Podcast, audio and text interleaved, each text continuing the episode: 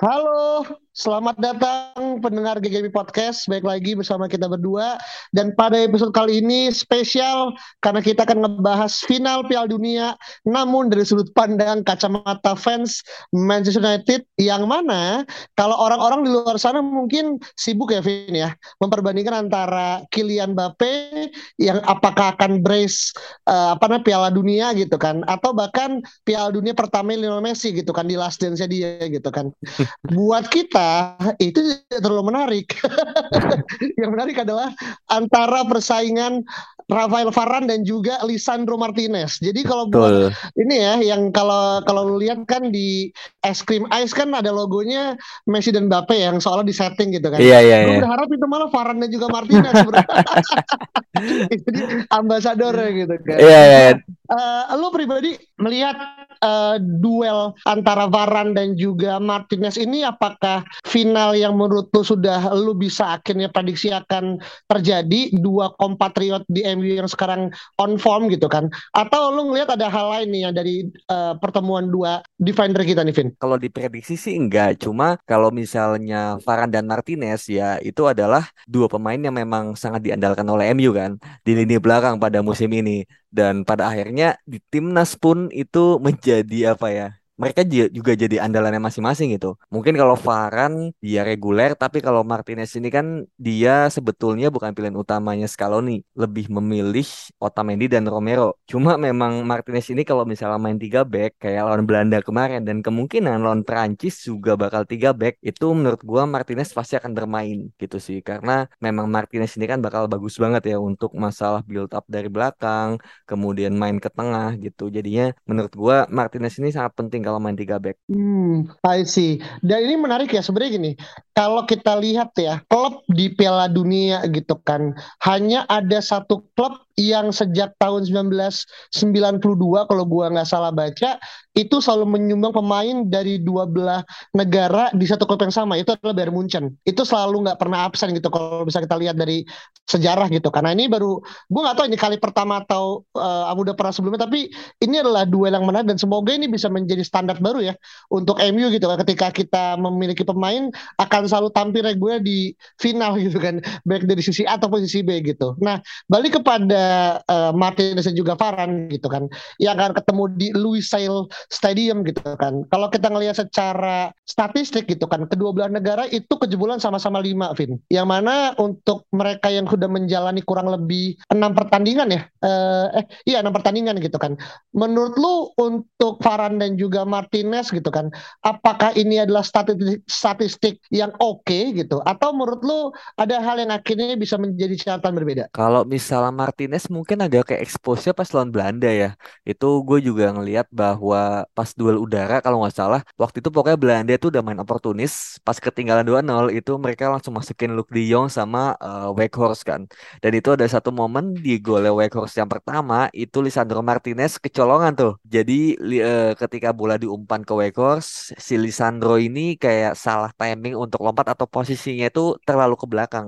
Jadi pas lompat tuh nggak dapet dan di situ menurut gue ya mungkin sedikit terekspos pada akhirnya yang masalah fisik atau lompatannya gitu yang mana timing dan posisinya agak salah dikit gitu sih. Tapi kalau di luar daripada itu menurut gue Martinez juga termasuknya jarang bermain sih. Jadi kayak nggak bisa dinilai secara objektif sih kalau misalnya 6 gol ini memang gara-gara Martinez semua gitu. Tapi kalau yang Varan dia kebobolannya lawan apa ya? Inggris penalti. Terus juga babak 16 besar Prancis lawan apa ya? Gue lupa. Uh, uh, siapa ya? Gue juga lupa lagi.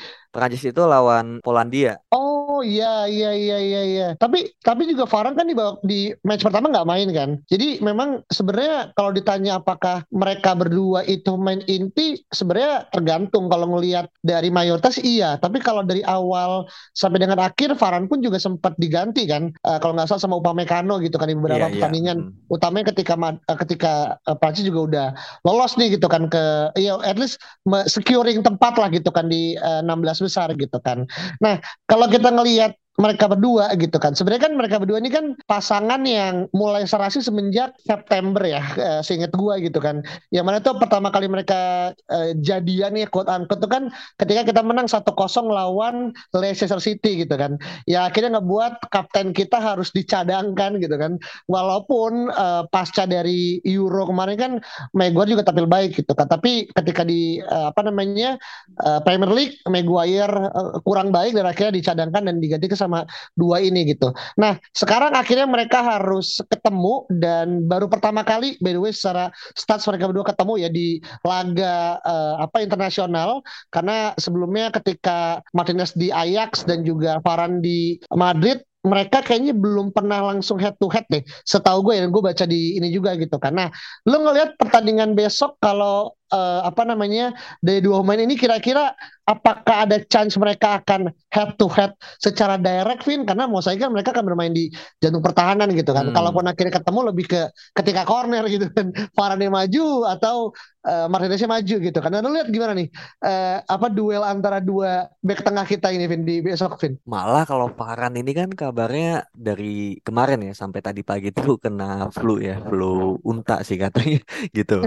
Iya kan Varane sama Konate dan beberapa pemain lainnya kayak Rabi Fabio, kemudian uh, siapa lagi ya? Pokoknya ada beberapa pemain Perancis yang sakit tiba-tiba katanya dari AC atau dari flu gitu. Itu kan agak ini ya konspirasi. Jadi menurut yeah. gua ada Chan juga Varan untuk nggak bermain tapi kalau berita yang barusan banget gua lihat katanya Varan ini udah cukup fit dan udah mulai latihan juga untuk melawan Argentina nanti gitu. Dan uh, di satu sisi Martinez pun katanya sudah sedang latihan di Argentina dengan skema 3 back yang mana ini juga menarik gitu. Ya uh, Argentina ini juga mungkin melihat bahwa untuk melawan eksplosivitas tim-tim besar seperti Belanda dan juga Prancis ya itu memang dibutuhkan tiga back dan Martinez ini akan pasti akan bermain kalau tiga back gitu sih. Dan kalau misalnya harus ketemu head to head ya memang cuma kalau di set piece doang sih gitu. Kalau misalnya di lapangan sih kayak no chance sih untuk pada akhirnya Martinez maju sampai depan dribble atau Varane tiba-tiba sampai depan tuh kayaknya enggak sih. Jadi memang set piece sih. Hmm, tapi mempertimbangkan tipikal Martinez yang ball playing defender ya. Dan dia ini kan juga juga sering kan akhirnya um, membawa bola sampai ke lini tengah gitu kan press passing apa namanya di tengah gitu. Lo ngelihat ini adalah suatu hal yang mungkin bisa menjadi poin pembeda gak baik dari Varan juga yang tipikal ball playing dan juga Varan juga yang bahkan lebih maju lagi kalau kita lihat head mapnya ya gitu ya, di beberapa tengah MU Vin. Hmm, kalau Martinez kan ya maksudnya gini kalau kalau Maguire sama Martinez Martinez itu kan bedanya kalau Maguire itu lebih ke ball carrying ya jadi lebih suka dribble kemudian tiba-tiba dia uh, umpan diagonal gitu ke kanan atau ke kiri tapi kalau Martinez memang dari passingnya aja gitu tapi dia nggak terlalu sering dribble gitu nggak uh, kalau di Ajax sih sering ya maju sampai depan gitu gitu. Dan kalau sampai depan banget sih kayaknya nggak langsung berhadapan sama back ya gitu. At least sampai hmm. gelandangnya sih. Mungkin sampai ke Chouameni atau ke uh, siapa pun itu Rabio atau Fofana nantinya gitu. Cuma kalau misalnya sampai ke Varan kayaknya enggak sih. Itu kayaknya udah wilayahnya Messi sih menurut gua sih. Iya iya iya iya iya. Tapi ya ini baik lagi ya karena uh, kecuali ya kecuali dua main MU yang satu itu defender, yang satu itu adalah apa namanya attacker itu bisa ya gitu. Kalau misalkan kita berharap uh, finalnya itu adalah Argentina melawan Portugal gitu kan, di mana ketika misalkan saat itu Ronaldo juga nggak berulah dan nggak cabut, terus ketemu sama uh, Martinez kan mungkin akan lebih cocok ya gitu kan. Dalam arti kayak oh iya ya kita ngelihat nih siapa yang lebih tajam dan siapa yang lebih kuat gitu kan secara uh, menjebolkan dan juga kejebolan gitu. Tapi kan ini agak jadi lucu karena dulunya back, dua-duanya juga akhirnya uh, penampilan juga lagi oke okay, gitu kan. Bahkan kalau nggak salah Varane tuh kan seperti jadi kapten kan di Prancis ya Vin ya? Kalau gue nggak salah kan yeah, di yeah, beberapa yeah, match awal gitu kan. Nah, kan? Dan uh, buat gue Martinez juga punya chance yang sama tapi nggak sekarang karena masih dipegang sama Lionel Messi gitu kan. Jadi menurut gue nih dua pemain yang uh, bahkan kalau lu lihat ya uh, ketika saat itu uh, Varan itu MU menang gitu kan tiga poin gue lupa lawan siapa kan dia ngepost ya gitu kan uh, another three point brings back to Old Trafford gitu kan. Terus si uh, terus ngetek ada Martinez juga di sana sana dan Dalot dan juga sama De Gea gitu kan. Terus akhirnya dibalas sama Martinez kayak good apa namanya it's always good to play alongside you bro gitu kan. Nah ini kan Mhm. akhirnya ngebuat Ferdinand kan akhirnya memberikan komentar ya ini adalah duo yang sangat perfect bahkan dia sempat mencoba untuk membandingkan dia ketika sama eh, siapa namanya Vidic gitu kan yang menurut gue ini jadi semacam kayak reinkarnasi gitu. Nah pertanyaan gue berikutnya adalah ketika akhirnya harus mereka head to head mana yang akhirnya lebih bisa untuk punya peluang untuk menggondol あ。Piala Dunia nih Vin apakah apa namanya Varane akan menambah kabinet trofi atau kali pertama untuk akhirnya Martinez mencicipi supaya nanti imbang lah back MU pernah memiliki apa namanya juara Piala Dunia kira-kira Vin. Gua sih melihat kans ya, sebetulnya pasti sangat berimbang antara Prancis sama Argentina. Cuma kalau misalnya gua, eh, misalnya semua orang tuh mendukung LM ya, Lionel Messi. Kalau gua mendukungnya LM yang lain yaitu Lisandro Martinez. bisa bisa Iya, iya gitu. iya Semua fans iya MU iya mendukung LM tuh bukan Messi, tapi Martinez gitu. iya Jadi ya, iya iya. menurut gua apalagi dia juga hampir pasti bermain dan menurut gua kalau misalnya Varane ini udah pernah juara, ya nggak ada salahnya lah berbagi dengan Martinez gitu. Jadi nanti ketika MU bermain tuh di eh, pertandingan-pertandingan besar atau misalnya ketika Varane dan Martinez ini berduet ya dua pemain di backline kita itu adalah juara dunia gitu. Yang mana duet Hmm, dari juara dunia itu kan sangat apa ya langka lah bisa dibilang gitu. Daripada dua-duanya digondol oleh Varane sendirian, menurut hmm, dengan berbagi itu untuk MU sendiri ya, bukan buat hmm. negaranya gitu. Itu juga iya menjadi iya benefit juga gitu sih. Hmm, hmm, hmm. Iya, iya, iya. Dan ini juga, ya baik lagi ya, kayak ini jadi suatu kebanggaan nih untuk fans MU gitu kan. Ketika akhirnya Piala Dunia yang mungkin ajangnya cuma sebulan sekali, eh sebulan sekali, cuman sebulan gitu kan, dan empat tahun sekali, tapi once satu pemain udah mendapatkan eh, gelar Piala Dunia gitu kan, bahkan sampai misalkan Varane dua kali atau akhirnya imbang gitu. Menurut gue nih juga jadi valuasi ya buat sang pemain gitu kan, dan juga buat MU juga gitu yang akan ketimpaan apa namanya durian runtuh gitu kan dari apa yang akan terjadi gitu kan. Dan ini juga sebenarnya diamini ya. Gue juga baca tadi beberapa report dari eh, apa namanya eh, lokal sport di eh, Inggris gitu kan. Kalau eh, siapa namanya eh, Ten Hag juga menyanjung nih dan juga sangat eh, menyukai kalau kedua pemain ini akan bertemu gitu kan di final gitu ya. Menurut gue sih sah-sah saja gitu. Kenapa? Karena ya siapa akhirnya pelatih klub yang nggak seneng kalau ada pemainnya akhirnya main di eh, kasta tertinggi gitu kan bahkan di final gitu yang menurut gue ini akan jadi suatu momentum sangat baik karena kenapa? Karena se- enam bulan enam hari lagi ya MU akan bermain kan pertama kali lagi setelah setelah sebulan akhirnya jeda gitu. Karena nah sekarang mungkin nih Vin kalau misalkan eh, kita ngelihat ya secara chance kan tadi lu ngerasa kalaupun akhirnya kita mendukung LM itu lah LM yang satunya gitu kan. Setelah sebelumnya mungkin LM-nya dia Lo- Luka Modric gitu Oh kan iya. kan LM-nya adalah Lisandro Martinez gitu kan. Tapi juga akhirnya kita nggak bisa menutup kemungkinan kalau akhirnya duel antara Messi melawan Varane dan juga Mbappe melawan Martinez tuh adalah duel sangat ditunggu karena itu adalah ujian yang akan membuktikan gitu. Karena mereka berdua adalah eh, striker dan mereka akan di apa ya dihadapkan pada back towernya negara masing-masing gitu. Meskipun tetap di Argentina pasti akan ada Otamendi dan juga Romero ya. Dan juga di Prancis mungkin akan ada Upamecano ataupun bahkan eh, Fofana atau bahkan eh, siapa namanya Konate gitu. Tapi well menurut gue ini akan jadi duel yang sangat menarik. Nah kita pertama pada masuk pada duel antara Mbappe dan juga Martinez ya gitu. Nah lu ngelihat apakah Martinez bisa quote unquote ya mengantongi Mbappe selayaknya dia mungkin udah pernah melakukan itu ke beberapa pemain sebelumnya gitu? Atau lu ngerasa eh, akan ada tetap disparitas antara Mbappe dan juga Martinez terutama dalam bidang speed dan juga teknik permainan Vin? Kalau misalnya masalah head to head posisi menurut gua Martinez ini lebih bakal ketemu sama Dembele sih sebetulnya ya. oh iya gitu iya ya iya. karena Hmm, Lisandro kan di kiri di back tengah kiri dan yang main di kanan tuh kan Dembele. Kalau Mbappe kan lebih main di kiri kan. Cuma kan kita nggak iya. tahu ya kalau misalnya nanti ada position switch di iya. tengah pertandingan gitu. Jadi menurut gua kalau misalnya eh, secara umum gitu bakal ketemu sama Dembele. Dan ini juga satu hal yang cukup ini ya eh, harus diwaspadai oleh Martinez sendiri. Karena kita ingat di lawan Fulham pertandingan MU terakhir itu Martinez sempat di apa ya diajak lari dan kalah sama Daniel James gitu.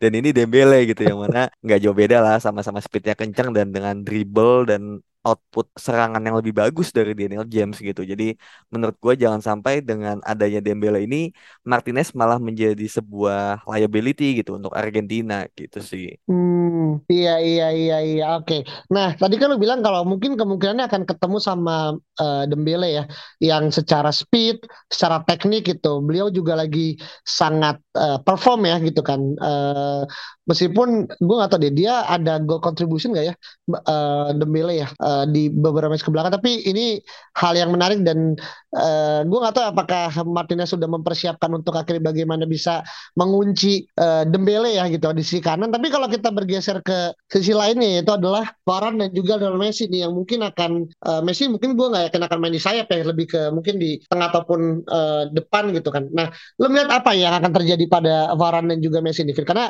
mereka pasti udah bukan nama asing ya karena mereka di La Liga pernah ketemu gitu kan.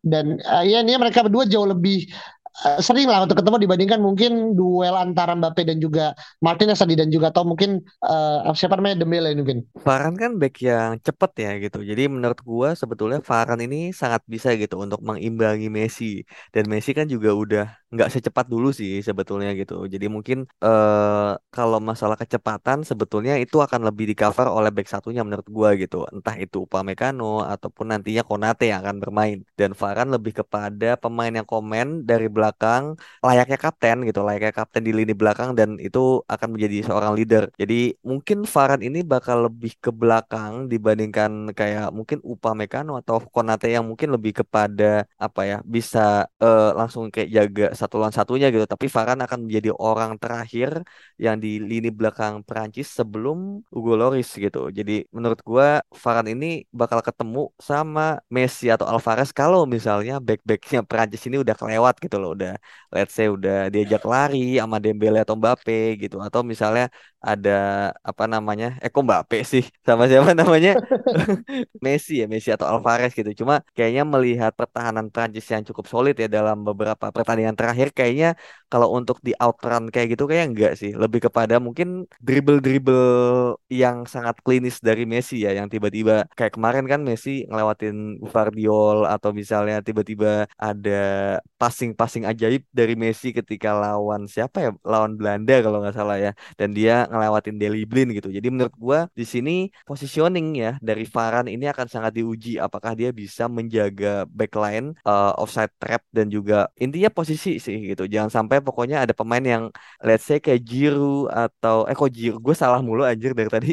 Kayak kayak Alvarez gitu untuk bisa meng Alvarez atau mungkin McAllister ya mengambil uh, apa ya posisi yang kayak datang dari second line gitu. Karena McAllister dan apa The Paul ini kan sebetulnya pemain yang bakal datang dari second line gitu. Jadi jangan sampai passing-passing Messi ini bakal membelah pertahanan yang dikawal oleh Varane sih. Hmm, Iya iya ya ini ini kan adalah gutak-gutik yang menarik ya tentang bagaimana akhirnya uh, kita nggak ngomongin 22 pemain, kita ngomongin cuma dua pemain yang sangat berkorelasi banget dengan bagaimana sistematika di lapangan. Dan kita tahu gitu kan uh, apa namanya ini adalah suatu pertaruhan ya buat dua negara gitu. Karena ya mereka dua adalah yang terbaik ya atlet sejauh ini gitu kan.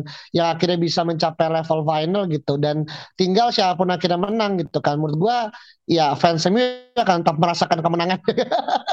Walaupun walaupun tadi mungkin secara squad dan secara apa sih namanya uh, pembagian rata ya. Mungkin akan lebih seru kalau misalkan dua-duanya udah memegang trofi yang sama gitu. Dan ketika akhirnya mereka balik ke eh, Carrington gitu kan at least mereka bisa salaman karena satu-satu gitu loh nggak dua kosong gitu.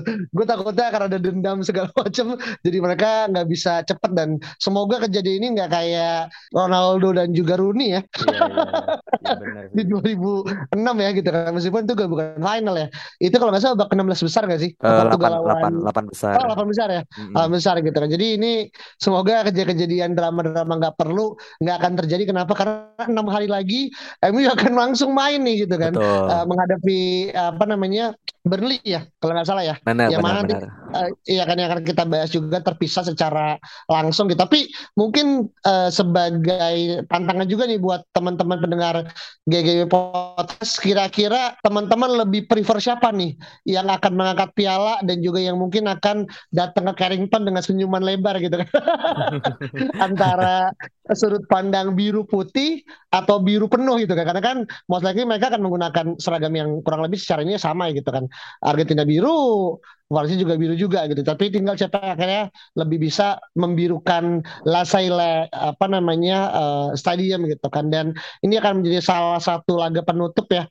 Uh, gue yang awalnya cukup skeptis Piala Dunia 2022 tuh tidak akan mencapai titik kulminasi yang seru. Jujur ini agak beyond ekspektasi gue sih ya. Dengan segala bentuk drama, dengan segala bentuk kejutan, termasuk juga pertandingan hari ini ya yang kita tag juga Maroko lagi lawan Kroasia kan adalah suatu uh, apa namanya pertandingan uh, uh, tiga dan empat yang siapa yang akhirnya bisa menebak gitu kan.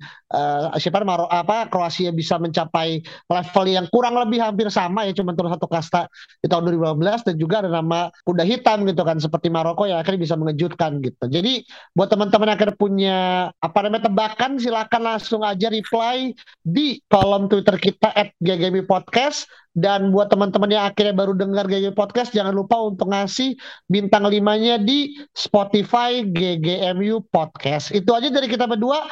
Thank you so much dan kita akan melihat siapa yang akan tersenyum di Carrington pada tanggal 20 Desember ya 2022 yang akan uh, MU akan mulai latihan uh, lagi kayak gitu. Thank you so much buat teman-teman kita kembali lagi di episode berikut ya. Bye bye.